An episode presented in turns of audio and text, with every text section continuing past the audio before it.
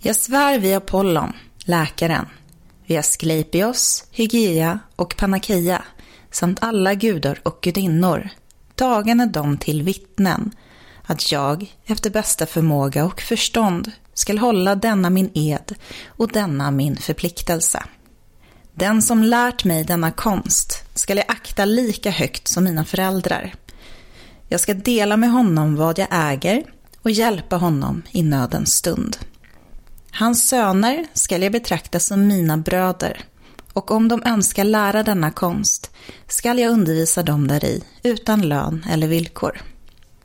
Föreskrifter, föreläsningar och allt vad undervisning i övrigt kräver skall jag ge mina och mina lärares söner samt de lärjungar som avgivit skriftlig och edlig förbindelse enligt läkares sed, men inte någon annan.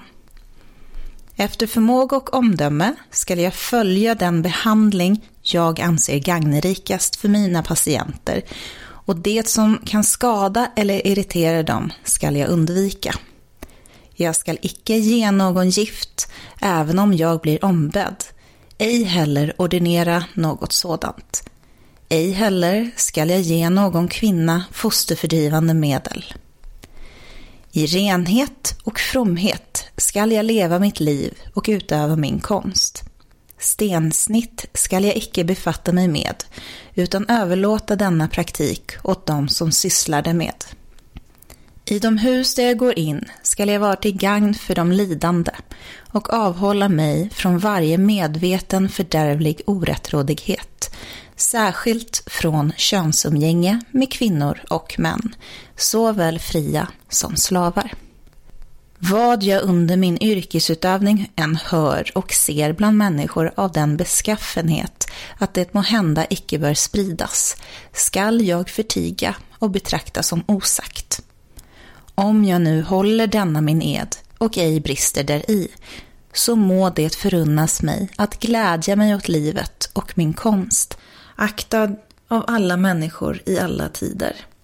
Men om jag bryter och blir min nedare, då må motsatsen bli min lott.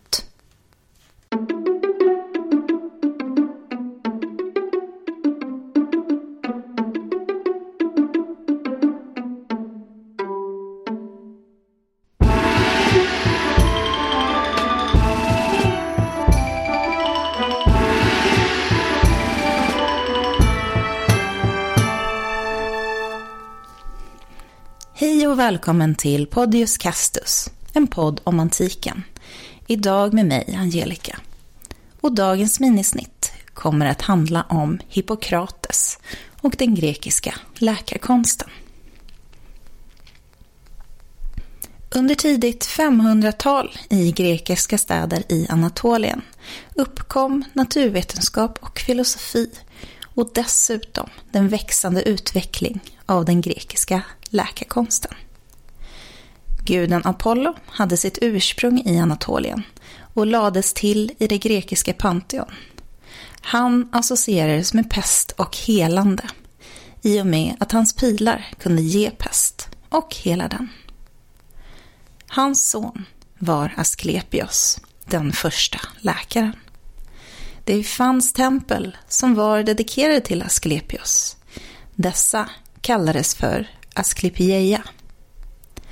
De fungerade som centrum för medicinska råd, prognoser och helande. Här gick patienter in i ett drömlikt tillstånd, inte helt olikt anestesi, var i personen antingen fick råd från guden i en dröm eller blev botad med hjälp av en operation. Det finns runt 300 av dessa helande platser återfunna runt om den grekiska världen. Innan den läkarkonst som vi ska koncentrera oss på idag uppkom så var tron att sjukdom var ett resultat av gudomligt inslag. Den man gick till för att söka hjälp kunde vara en örtläkare, en spiritualist, en andlig helare eller kanske en exorcist. Det första steget i den helande processen var ofta att komma fram till vilken synd man hade begått för att förarga gudarna. Sedan kunde helaren komma med rekommendation av ritual för att göra gudarna nöjda innan en behandling kunde inledas. Läkare kallade sig ofta för söner till Asklepios och en av de sönerna var Hippokrates från Kos. Kos var en av de doriska kolonierna i den grekiska övärlden och kom även att bli läkekonstens centrum. Och värt att nämna är att även här finns det ett Asklepieion. Det finns inte mycket känt om Hippokrates som person. Det är möjligt, eller snarare troligt, att han levde mellan eh, cirka 460 till 370 för vår tidräkning. Men det han är känd för är epitetet läkekonstens fader. Han har tillskrivits ett antal texter. Och han är ursprunget till den hippokratiska eden, vilken jag läste upp i översättning i minisnittets början.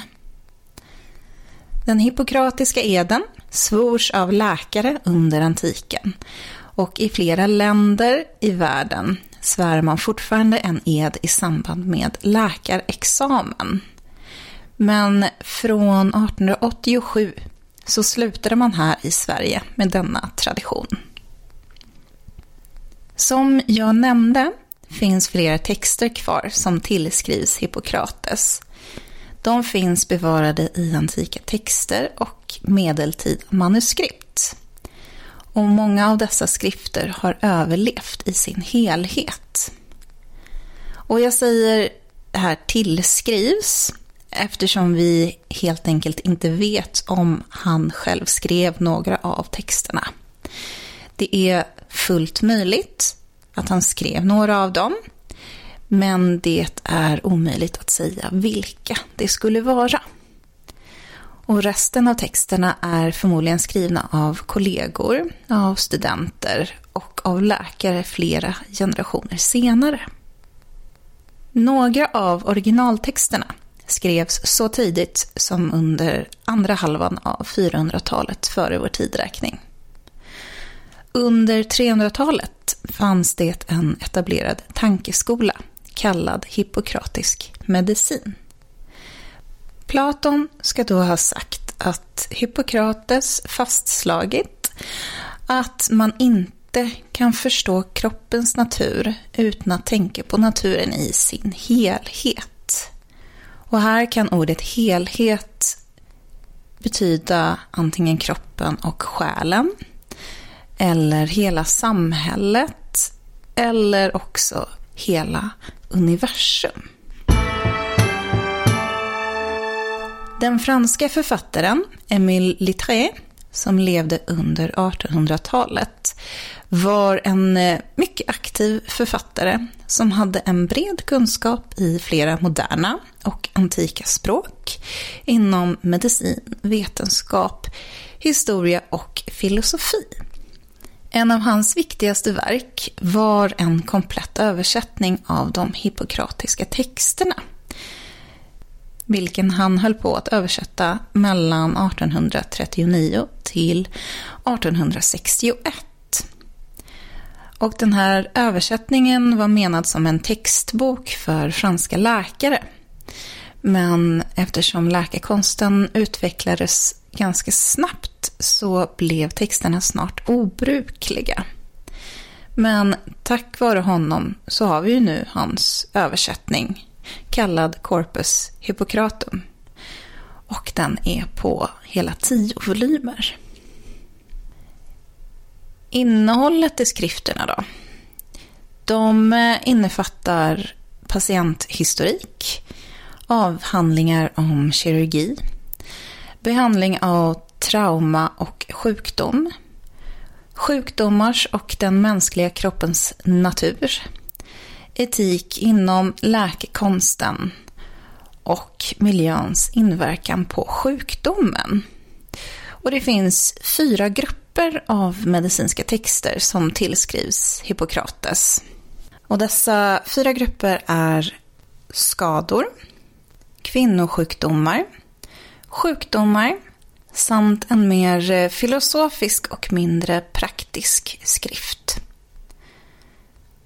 De här grupperna har en rationell medicinsk tanke och eh, kritiserade vidskepliga och profeter och drömtolkare som alla ansåg att sjukdom var ett resultat av gudomliga inslag. Den största kategorin i den hippokratiska korpusen är faktiskt kvinnosjukdomar eller gynekologi. Vi har On the Nature of the Woman, On the Diseases of Women, Genealogy, On the Nature of the Child och On Sterile Women. Dessa sammanställdes alla under den tidiga perioden, men manuskripten innehåller även senare texter. Texterna om kvinnosjukdomar ger information om bland annat den kvinnliga fysiologin, om mens, preventivmedel, graviditetstest, fosterutveckling och förlossning med mera. De hippokratiska texterna var ett resultat av en lång tradition av nytänkande. Metoderna hos de lärda var att de försökte att hitta fysiska snarare än övernaturliga förklaringar i fenomen. Och detta gällde geologi, sjukdom, meteorologi, skador och så vidare. En mycket viktig sak som den grekiska läkekonsten kom fram till var trolighet. Alltså att de gav en prognos som sa att det var troligt att en patient hade en specifik sjukdom. De noterade sjukdomsförlopp och med hjälp av tidigare studier kunde de säga hur liknande sjukdomsförlopp hos nya patienter troligtvis skulle fortlöpa och därmed föreslå behandling. Nu pratar vi alltså om empirisk data för alltså ungefär 2500 år sedan. Och samtidigt kan tilläggas att man började även använda trolighet inom andra delar av samhället, till exempel i juridiska fall. De hippokratiska texterna är manualer och de följer tre principer. Den första principen är att folk blir sjuka på grund av naturliga orsaker och inte på grund av övernaturliga sådana. En sjukdom som under den antika grekiska tiden kallades för den heliga sjukdomen var förmodligen vad vi skulle kalla för epilepsi. Man trodde att eh, personen i fråga blev besatt av demoner. Men enligt de hippokratiska texterna så rationaliserade de sig fram till att sjukdomen istället orsakades av en blockad av slem i hjärnan. Följande står i bok 21. This so-called sacred disease is due to the same cost as all other diseases. Whoever has the knowledge of how to produce by means of regiment, dryness and moisture cold, and heat in the human body could cure this disease too. He would not need to resort to purifications and magic and all that kind of chartalicism. Den andra principen var att de studerade anatomi för att förstå olika delar av kroppen. Och enligt dem så tillkom sjukdomar till följd av en obalans av vätskorna i kroppen. Vätskorna i fråga var slem, gul galla, blod och svartgalla.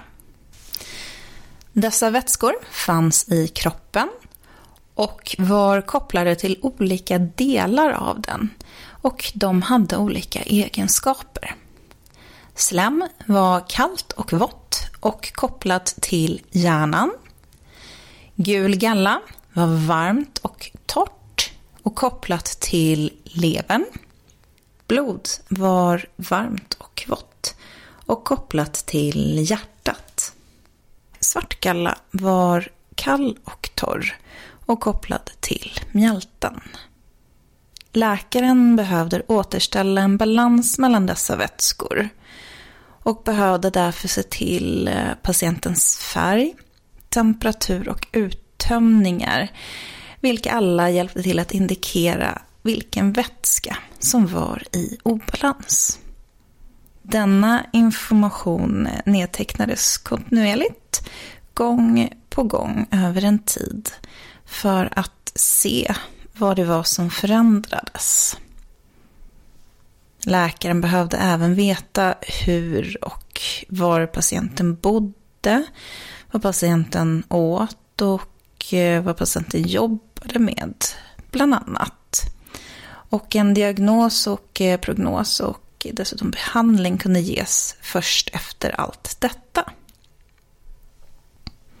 Den tredje principen var att naturen var sin egen bästa helare och att sjukdomar var självbegränsande. Allt som skedde under sjukdomens eh, gång var kroppens sätt att strida emot den. Och läkarens jobb var att hjälpa den processen.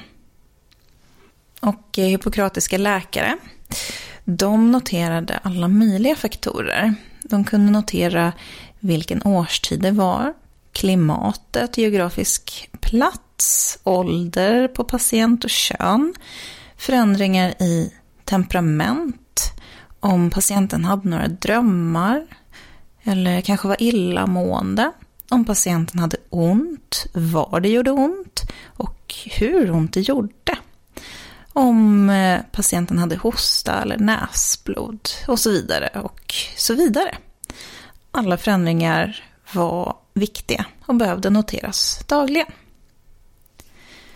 Och även om de hippokratiska texterna och läkarna hade gjort stora framsteg inom läkekonsten så går det ju aldrig att frånse att det är tankar av sin tid.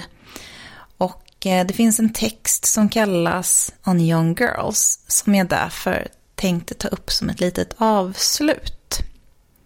I den så finns det en sjukdom eller en, en diagnos som kallas för hysteri. Hysteri sades nämligen hända alla unga flickor som fick mens innan de gifte sig eller som inte giftes bort tillräckligt snabbt. Det innebar helt enkelt att deras livmoder började vandra runt i kroppen, vilket gjorde dem yrande eller galna. Och lösningen på detta var helt enkelt att flickan skulle giftas bort och ha regelbundet samlag med sin man. Men eh, oavsett synen på människan så kan man ändå säga att Hippokrates och hans följare var mycket viktiga eftersom de grundade den medicinska vetenskapen och läkaryrket. Du har lyssnat på Pondius Castus med mig Angelica. Och det var allt från mig idag.